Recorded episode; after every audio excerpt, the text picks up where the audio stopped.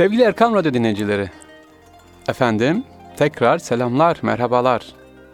İstanbul'dan Erkam Radyo, Çamlıca'dan sizlere sevgiler, selamlar sunuyoruz.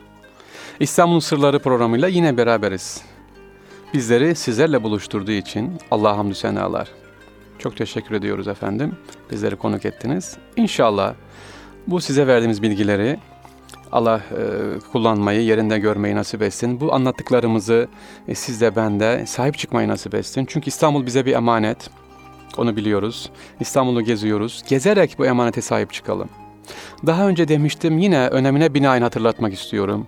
Ben nimel ceyiş olabilir miyim diye soruyorlar. Tabii ki nimel ceyiş yani müjdelenmiş asker elbette olabilirsiniz. Ama hocam fetih bitti İstanbul fethedildi. Evet ama ne diyor Resulullah Aleyhisselatü Vesselam? İstanbul fetheden komutan ne güzel komutan, onun askeri ne güzel asker. Siz de bu güzel askerlerden olabilirsiniz. Nasıl?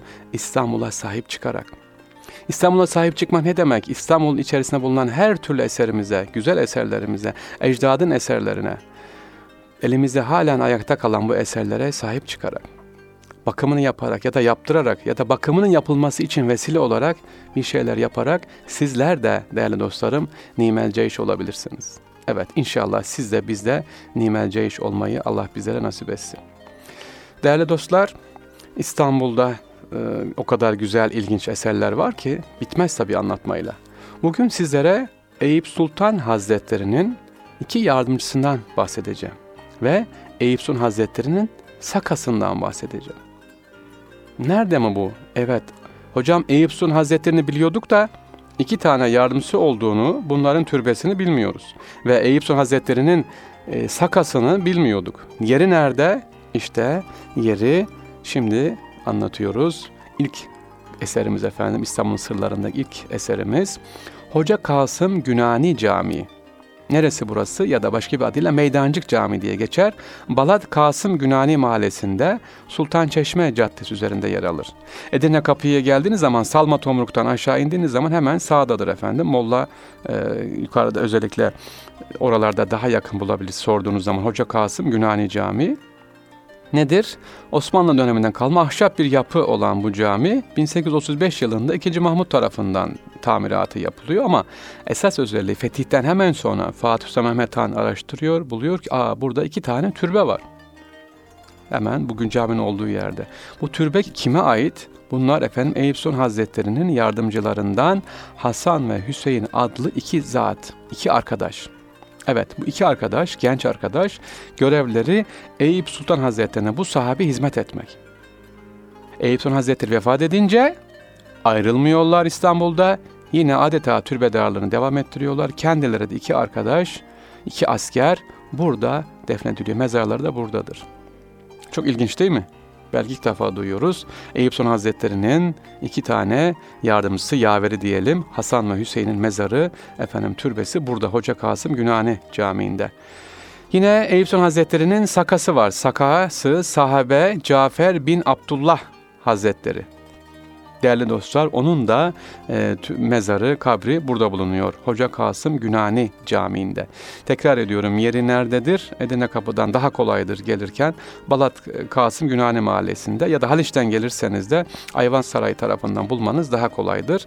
Hasan ve Hüseyin adlı Eyüp Hazretleri'nin iki tane yaveri, asker o dönemden gelen ve ayrılmıyorlar İstanbul'dan. Burada da vefat ediyor. Sakası da sahabe Cafer bin Abdullah Hazretleri. İnşallah buralara da ziyaret edelim bu sahabeleri, bu vefalı kardeşleri, vefalı askerleri. Bakın burada bize vefayı gösteriyor. Eyüp Hazretleri vefat etti ama İstanbul'dan geri asker dönmüyor. Vefat edene kadar İstanbul'da kalıyor. Evet, Hoca Kasım Günani anlattık.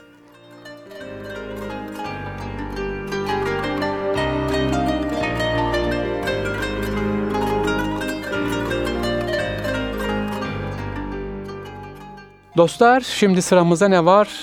Bir farklı ilginç cami. Evet cami diyeceğim ama hocam hadi gidelim görelim derseniz yok gösteremem. Neden? Cami ayakta var da e, maalesef e, şu anda çok metruk durumda. İnşallah Allah imkan eder de cami tamamlanır, düzenlenir. Nedir efendim? Nerede bu? Çok özel, e, çok eski bir eser bu anlatacağım eser. İmrahor İlyas Bey Camii. Şimdi size onu anlatacağım. İmrahor İlyas Bey Camii. Yedikule ile Samatya arasında ana caddenin hemen arkasında bu manastır ve kilise İstanbul'un en eski Bizans'ın dini yapılarındandır burası. İkinci Beyazıt'ın İmrahor'u İlyas Bey tarafından camiye çevriliyor. İmrahor ne demek? İmrahor İlyas Bey. İmrahor değerli dostlar at bakıcısı demektir. Kendisi e, burayı camiye çevriliyor. Çok önemli eski bir eser. Bu caminin özelliğini ya da bu kilisenin özelliğine imparatorlar altın kapıdan geçtikten sonra yani İstanbul dışına çıkan imparatorlar altın kapıdan bu Yedikule tarafından girdikten sonra mutlaka ama mutlaka bu kiliseye giriyor, giriyor. Bu kilisede ibadet ettikten sonra Sultanahmet tarafına saraya geçiyorlar efendim. Bu caminin, kilisenin özelliği İstanbul'un fethine kadar sürüyor. Ee, ayrıca buranın başka bir özelliği var. Zor duruma düşen Bizans ileri gelenleri e, yine buraya sığınıyorlar canlarını kurtarmak için. İmrahor Bey, e, İlyas Bey Camii Osmanlı döneminde şehrin en büyük camilerinden biri olarak yine devam ediyor. Aynı zamanda burada Seyit Abdullah Efendi, Süleyman Seyit, Hüseyin ve Seyit Hasan gibi ünlü hattatların yetiştiği önemli bir merkez. Yani üç hattatımızın yetiştiği bir eğitim merkezi. Neresi? İmrahor İlyas Bey Camii. 1907'de burada İstanbul'da Rus arkeoloji endüstrisi bir araştırma yapıyor, kazılar yapıyor bu büyük mabette, ibadethanede. Bizans dönemine ait lahit ve mozaik parçalar ortaya çıkıyor burası. Ee, Osmanlı dönemi dediğim gibi şehrin en büyük camisi burası. Fakat fakat evet geldik 1782 yangını ve 1884 depreminden sonra büyük bir zarar görüyor burası. Daha sonra esas darbeyi ne zaman alıyor? 1908'de de çatısı çöküyor buranın. E, şu anda dediğim gibi metruk bir halde. İnşallah imkan olur da burası tekrar cami olarak ibadet edilir. Çok büyük, etrafı geniş. Bir muhabbetin büyük bir kısmı ayakta. İmrahor İles Bey Camii dediğimi burası Bizans döneminde 700 kadar keşişin eğitim gördüğü, e, kaldığı yer, eğitim teoloji yuvası, e, akademisi. Osmanlı döneminde ise burası İmrahor Tekkesi, Mirahor Tekkesi ve Halvetil'in Sümbül koluna bağlı olmasından dolayı Sümbülü Tekkesi diye de burası bilinir. Bizans dönemine ait avlunun güney tarafında yer alan büyük ahşap tekke ve şeyh evi 20 e, yıl öncesine kadar ayakta olmasına rağmen bugün orası da gitmiş durumda yok görünmüyor. Ee, inşallah duamız, temennimiz buranın e, tekrar e, cami haline getirilmesi, tekrar açılıp ziyaret edilmesi. İmrahor İlyas Bey Camii dediğim gibi Bizans dönemine ait çok eski eserlerden bir tanesi. Gidip görmenizi tavsiye ederim. Yani yolunuz Sümbül Efendi Camii'ne düşerse çok yakındadır. Yürüyerek bir beş dakikada yürüyüşle bu İmrahor İlyas Bey Camii'ni görebilirsiniz. Gidip görmenizi de tavsiye ederim.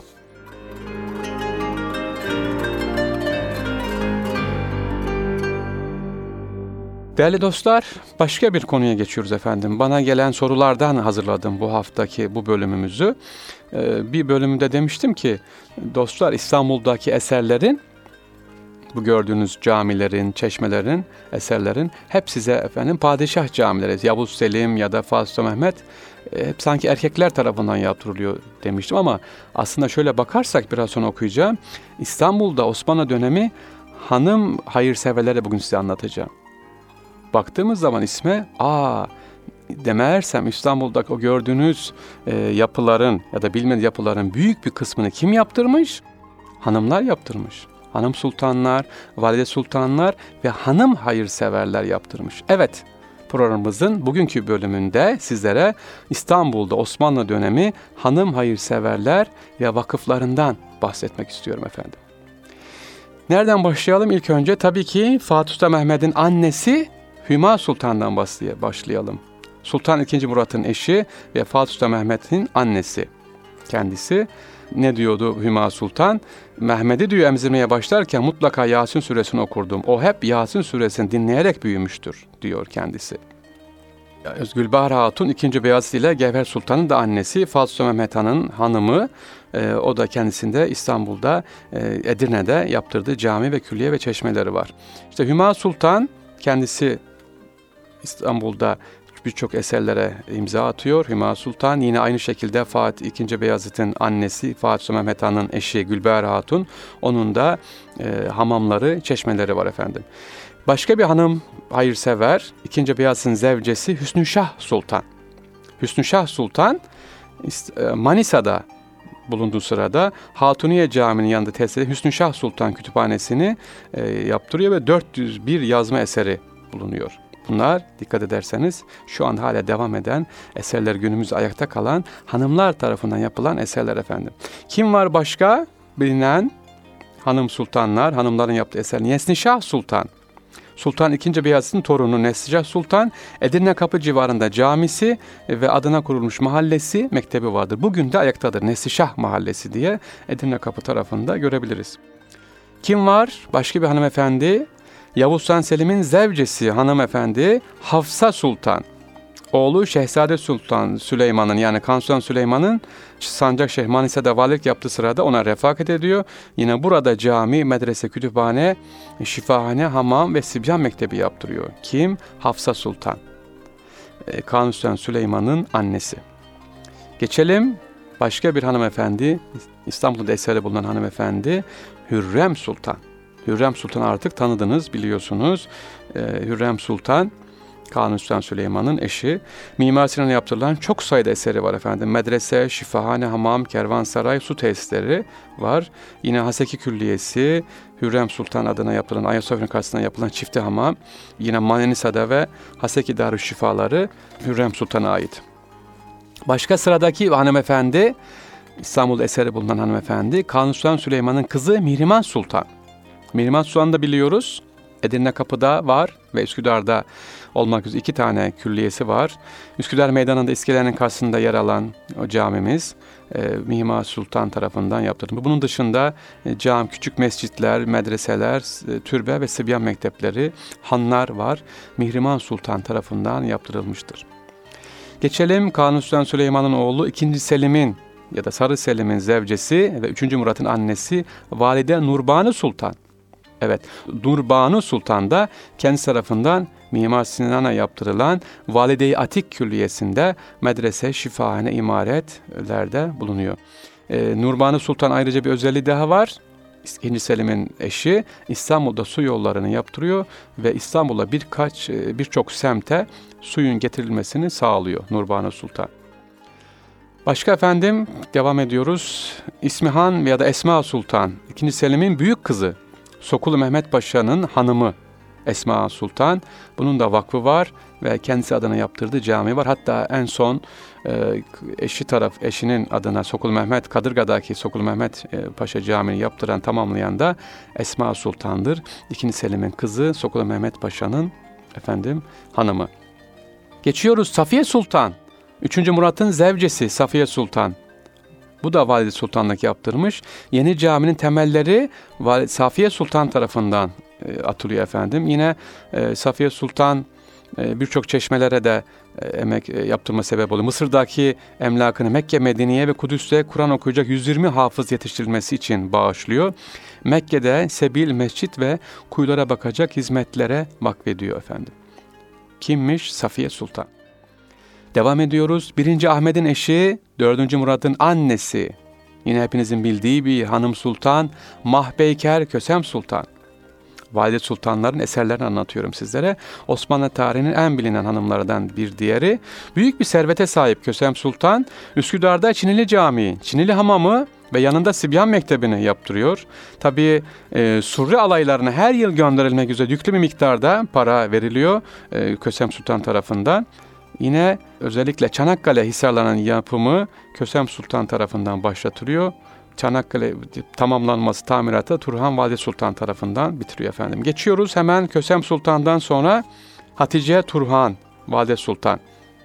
Hatice Turhan Valide Sultan da ise efendim en büyük bilinen eseri Bugün adı Yeni Cami olarak bildiğimiz Eminönü'nde Yeni Cami'ni tamamlatan da Hatice Turhan Valide Sultan'dır. 1663 tarihli vakfiyesine göre mektep, Darül Hadis, Çeşme, Hünkar Kasrı gibi yaklaşık 36 tane eser yaptırmış Hatice Turhan Valide Sultan.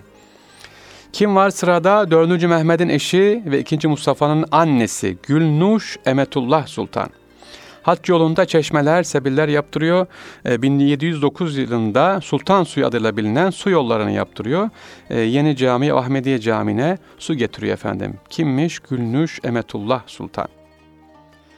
Hepinizin bildiği başka bir meşhur sultan Bezmi Alem Valide Sultan ki geçen hafta bunu anlatmıştım. Bezmi Alem Valide Sultan Osmanlı tarihinin en hayırsever sultanlardan biri. Vakıf Kuraba Hastanesi'ni, Bezmi Alem Valide Sultan Mektebi'ni yaptırıyor. İkinci Mahmud'un zevcesi ve Abdülmecid'in annesi Bezmi Alem Valide Sultan hem hastanenin hem de mekteplerin yapılması için e, özellikle e, büyük eserlerin, büyük efendim vakfiyelerde bulunuyor.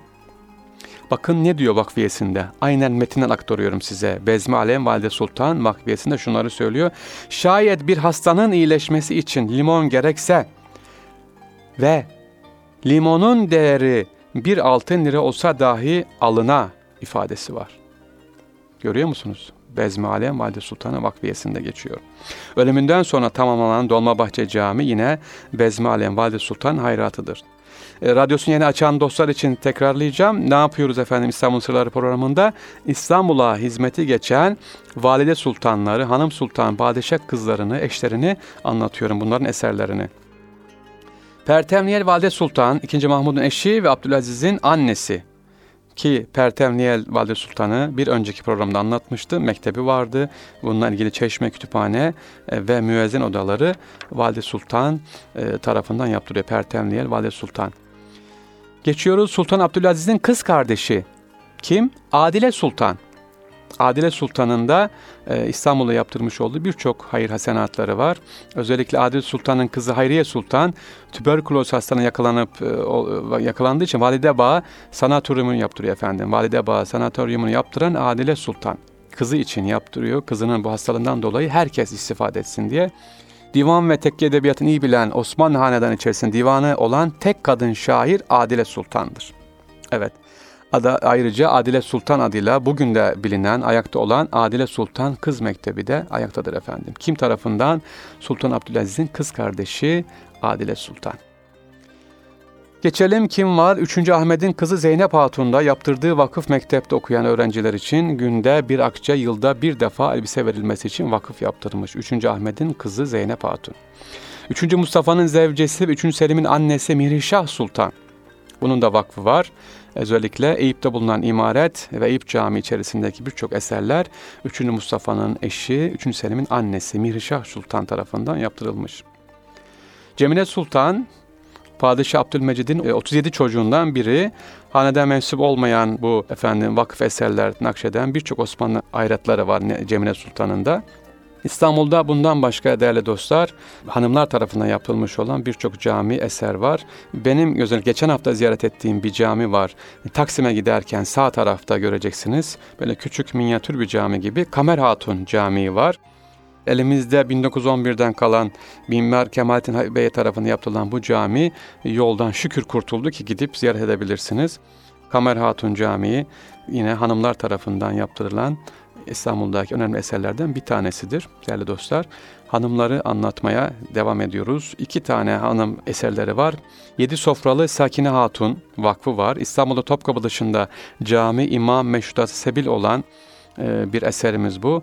Bu hayrat e, maalesef e, yedi sofralı Sakine Hatun olarak bilinen bu yer. Günde yedi defa sofra kuruluyor ve yemek veriliyordu.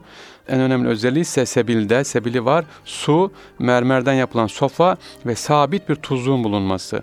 Bu hizmet 400 yıl devam ediyor. Yedi sofralı Sakine Hatun Vakfı 1965 yılında maalesef yıktırılıyor. Üzerinden yol geçiyor efendim. Son anlatacağım e, hanımlar tarafından yapılan eser ise Kıbrıs Beylerbeyi Ahmet Paşa'nın eşi Perizat Hatun yaptırdı. Zaviye, mescit ve çeşme. Bunun özelliği nedir? Perizat Hatun'un vakfiyesi nedir? Ne üzerine vakıf kurmuş? Boşlu mahkumları kurtarmak için para vakfı kuruyor efendim Perizat Hatun. Yine İstanbul'da Şeyhülislam Zembilli Efendi'nin kızı Sitti Hatun 1525 yılında İstanbul'da medrese yaptıran ilk kadınlardan bir tanesi efendim İstanbul'da özellikle 1823 yılında kayıtlara baktım kadınlar tarafından yaptırılan 71 tane mektep var. 1825 yılı tarihli kayıtlara da baktığımız zaman 71 tane mektep İstanbul'da efendim e, hanımlar tarafından yaptırılmış efendim.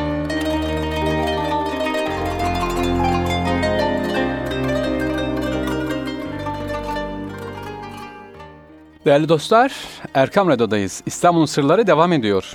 İstanbul'da eserleri bulunan hanımları anlatmaya devam ediyoruz. son 2-3 tane daha hanım e, eserlerden e, bulunan hanımlardan bahsedeceğim efendim. Gülfem Hatun var. Üsküdar'daki Gülfem Hatun, Kanuni Sultan Süleyman'ın cariyelerinden sonradan kadınlar arasına giriyor. Hürrem Sultan gibi efendim Kanuni'ye yakın olan bir hanımefendi. Yine Gülfem Sultan'ın İstanbul'da çok birçok eserleri var. Üsküdar'da bulunan Sultantepe'de Hacı Hesna Hatun var. Bugün Hacı Hesna Hatun olarak biliniyor. Hacca giden hanımefendidir Hacı Esna Hatun. Kanuni Sultan Süleyman Hürrem'den olan Mihrimah kızı olan Mihrimah Sultan'ın dadısıdır efendim Hacı Hesna Hatun. Burası yine İstanbul'da Hacı Esna Hatun Üsküdar'daki Hacı Esna Hatun camını görebiliriz. Bunun dışında tabi İstanbul'da e, Fatma Sultan var, onun eserleri var. Sultan Üçü Ahmet'in e, kızı diğer birçok hanımların yaptırmış olduğu eserler var. Hocam bunları pek anlatıyorsun. Başka diğer İstanbul'un pa- e, paşaların hanımları yok mu? Tabii ki var. Paşaların tarafından yaptırılan eserler de var. Paşaların hanımları tarafından yapılan eserler var. Hatta e, paşaların hanımları e, vefat ettikten sonra e, eşlerinin kurmuş olduğu vakfı devralıp bunu aynen devam ettiriyorlar ki bunlardan bir tanesi de e, Eyüp Sultan'da civarında bulunan Zal Mahmut Paşa Camii'dir. Bir ara onu da anlatacağım inşallah. Zal Mahmut Paşa Camii de eşi tarafından tamamlanıyor efendim.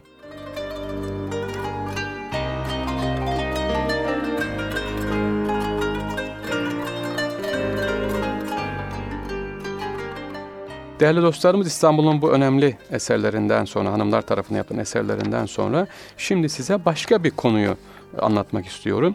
Huzur derslerini anlatmak istiyorum huzur dersi. E, huzur dersi ile ilgili benim şöyle bir anım var. Biraz komik veya üzücü bir anım. E, bir gün sarayı geziyoruz. Dolmabahçeli Sarayı'nı geziyoruz. Tabii rehber eşliğinde geziyoruz e, bir dönemde.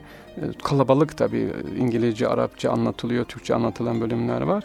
E, ben de katıldım, dinliyorum ve sonuna doğru bir bölüm anlatılıyor. Huzur derslerinden bahsediliyor. Ee, sevgili kardeş, rehber kardeşim dedi ki efendim burası da huzur odası dedi.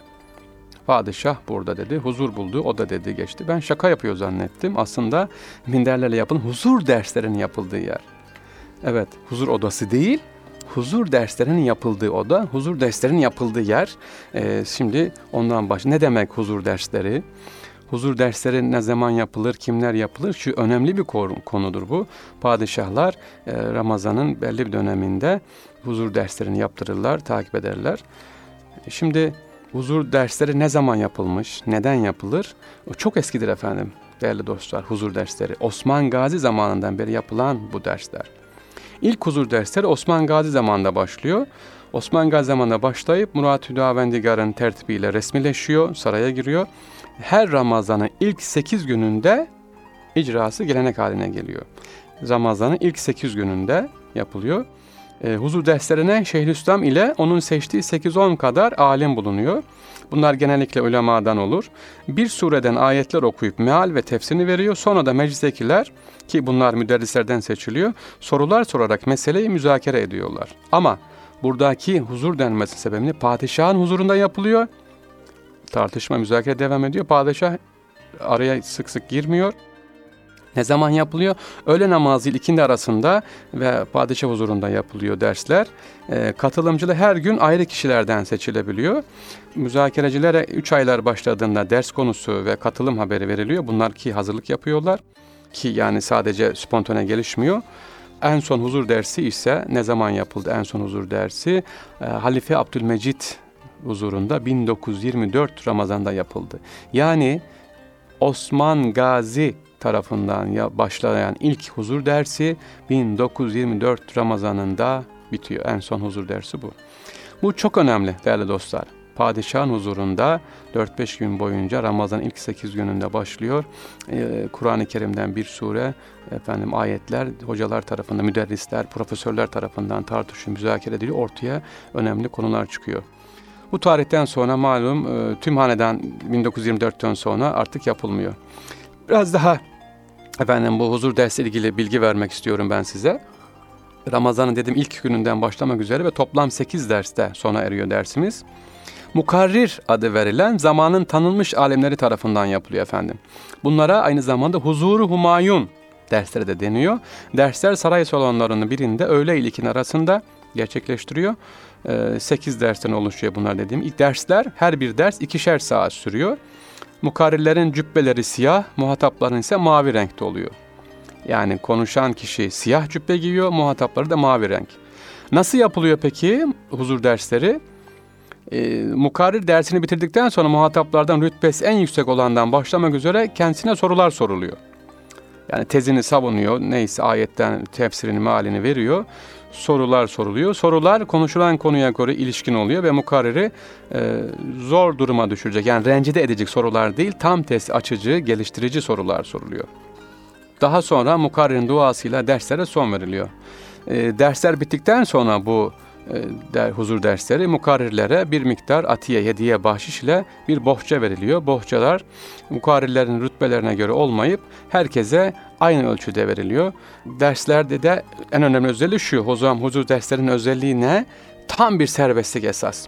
Yani padişahın huzurundayız, aman şunu söylemeyeyim, aman bunu anlatmayayım ya da şu hata yok tam bir serbestlik. Mukarrirlerde, muhataplarda yani dinleyenlerde, tartışmayı yürütenlerde e, serbest bir şekilde ne yapıyorlar? Bu huzur derslerini takip ediyorlar ve görüşlerini açık bir şekilde söylüyorlar.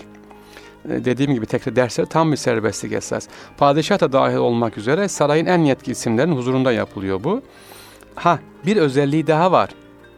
Tekrar ediyorum bu huzur derslerinin bir özelliği daha var. Padişah da dahil olmak üzere diz çöküp efendim ders dinleniliyor, takip ediliyor. Osmanlı devlet erkanı tam bir ilmi serbestiyet var. Diz çöküp dinleniliyor. Ramazana özel bir program bu tabi. Eğitimin son derece önemli olduğunu bilen Osmanlı padişahları kendilerini de eğitimden uzak tutmamışlar. Mutlaka bu programa e, katılmışlar, yakından takip etmişlerdir efendim. Huzur dersleri ne zaman böyle sistem? Dedi ki Osman Gazi'den beri devam ediyor. 1724 yılında tekrar bir kontrolden geçiyor, sistemleşiyor. 3. Ahmet döneminde Nevşehirli damat İbrahim Paşa tarafından e, kurallı, sistemli bir hale getiriliyor ki ondan sonra da e, son halife Abdülmecit taraf, e, Efendi'ye kadar bu huzur dersleri devam ediyor. Özellikle Abdülhamit Han döneminde huzur dersleri Yıldız Sarayı'nda gerçekleştiriyor. Orada da aynı şekilde tam bir e, ilmi serbestiyet ve edep içerisinde devam ediyor atışmalar olur tabii ki. Atışmalar kavga, gürültü hatta edepsizlik olur diye sık sık yer değiştirilmez. Ayaklar uyuşurdu gibi bu şekilde gürültü olmasın diye sakin bir şekilde gidiyor efendim. Bir huzur derslerinde atışma, kavga yok. Hatta aman ses e, huzuru bozmayalım diye sık sık ayak değiştirilmiyor en ufak bir gürültü mukarrer konuşan kişi rahatsız olmasın diye yapılmıyor. Hatta detayda var diyor ki içeri girerken su ikramlar da böyle yapılmıyor belli dönemde. Ee, çok az aralar verilerek de ders e, kesilmesin diye buna da çok dikkat ediliyor. Huzur dersleri için belli bir mekan yok. Nerelerde yapılıyor? Sultanın, e, padişahın öngördüğü bir köşte yapılıyor ya da huzurunda başka bir yerde yapılıyor. E, ama genellikle sepetçiler kasrında, bugünkü Topkapı Sarayı'nın altında, Sofa Köşkü'nde, Revan Köşkü'nün İncili Köşk'te, bazen Yalı Kasrı'nda, Mabeyn Dairesi'nde ve Sünnet Odası da huzur dersleri için kullanılmış. Abdülaziz döneminde özellikle Dolmabahçe Sarayı'nın muayede salonunda ki çok büyük bir salondur. İkinci Abdülhamit Han döneminde de Yıldız Sarayı'nın Çit Kasrı'nda huzur dersleri yapılıyor. Huzur derslerinin esas olan nedir? Serbestlik esas ve e, özellikle edep esas.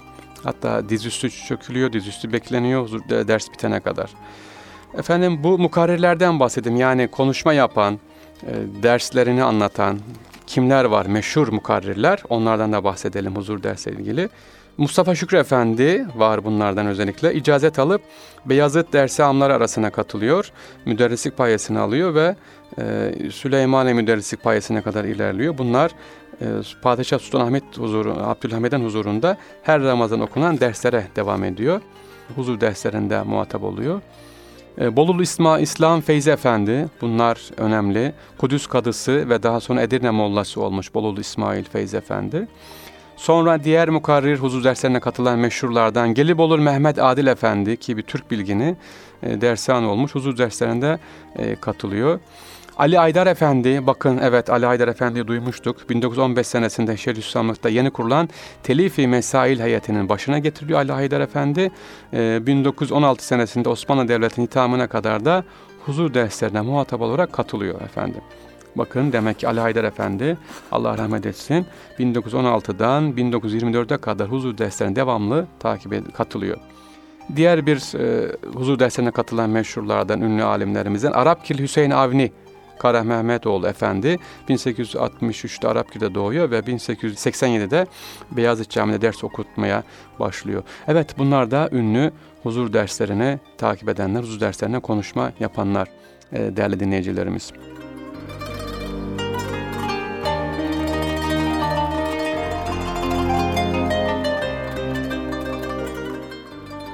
Programımıza devam ediyoruz huzur derslerinden sonra özellikle bazı konularda bilgi vereceğiz. Neler var anlatacağımız bugün.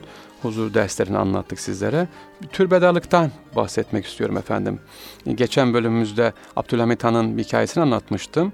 Orada türbedar demiştim. Evet türbedar ne demek? Türbedarlık nedir? Ondan sizlere e, bahsetmek istiyorum. Osmanlı zamanında Fatih Sultan Mehmet e, türbesinde Kur'an-ı Kerim okunması ve diğer hizmetler için türbedarlık sistemi ilk defa oluşturuluyor. 1489-1490 yıllarında Fatih Sultan Mehmet Han'ın türbesinde 36 hafız ve bir türbedarın görev yaptığı biliniyor. Bakın 36 hafız ve bir türbedar. Kim nerede? Fatih Sultan Mehmet Han'ın türbesinde. İlk defa türbedarlık burada başlıyor. Her biri 12 hafızdan meydana gelen 3 ayrı grup teşkil ediliyor. Türbede 24 saat kesintisiz Kur'an-ı Kerim okunuyor. Yani türbedarlık o kadar da kolay değil. Sadece türbeyi beklemek sağını solunu değil. Bakın içinde neler var. 12 hafızdan 3 ayrı vardiyada diyeyim. 3 ayrı vardiyada Kur'an-ı Kerim okunuyor.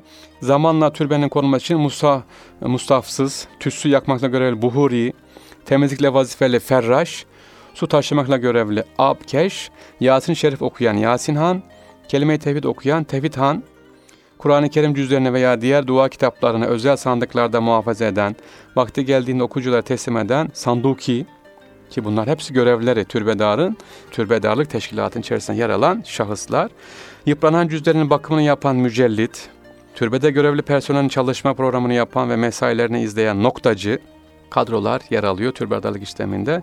1597'de türbede vazifeli personel sayısının 155'e ulaştığı görülmektedir.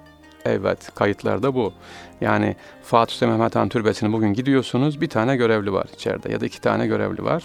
İşte zaman zaman temizliği yapılıyor efendim ama o dönemde 155 kişiye ulaşmış. Hemen Fatih Sultan Mehmet Han Türbesi deyince aklıma gelen bir anım var onu paylaşmak istiyorum. İstanbul'a e, askerlikten sonra ilk defa e, yerleşmeye baş 90 yılında geldiğim zaman Fatih Sultan Mehmet Han'ın türbesini ziyaret ettim.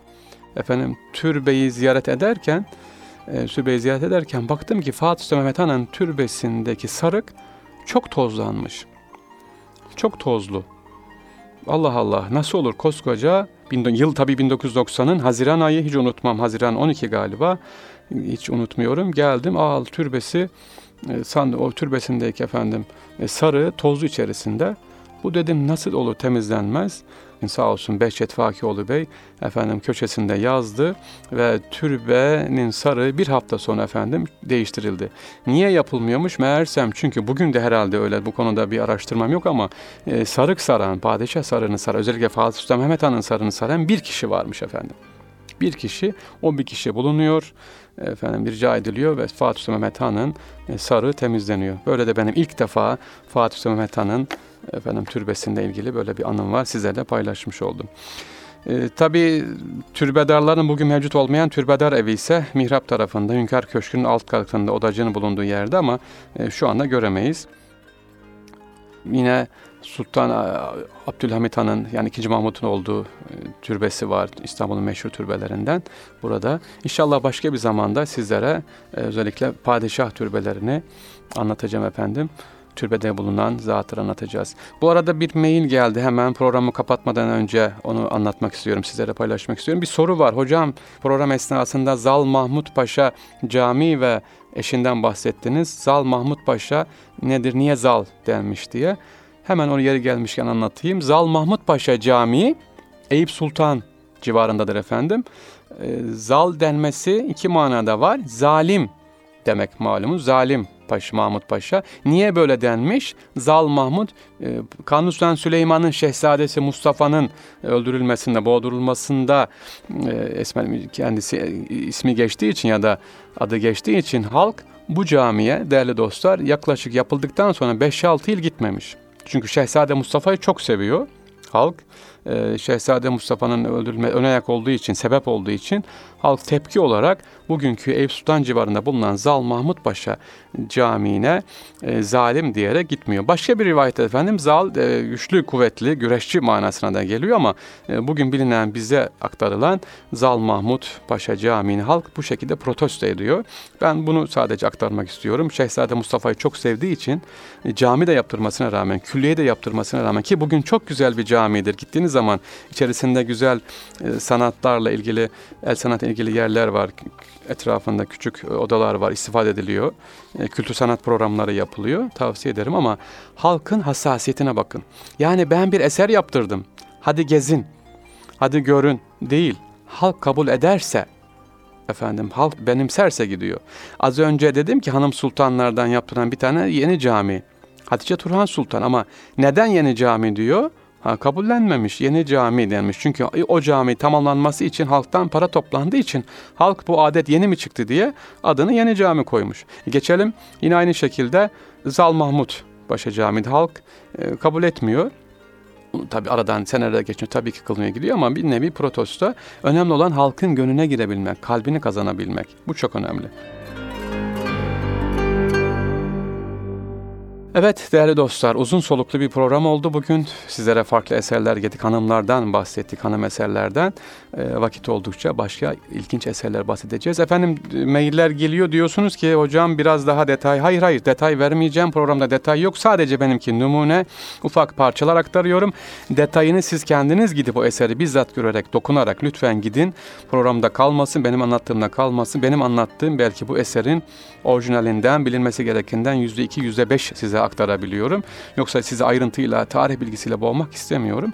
Lütfen o eserlere gidip bizzat görün, dokunun. Aa işte burası Eyüp Hazretleri'nin e, yardımcıların, yaverlerin bulunduğu Hasan Hüseyin'in türbesi deyin, görün onu.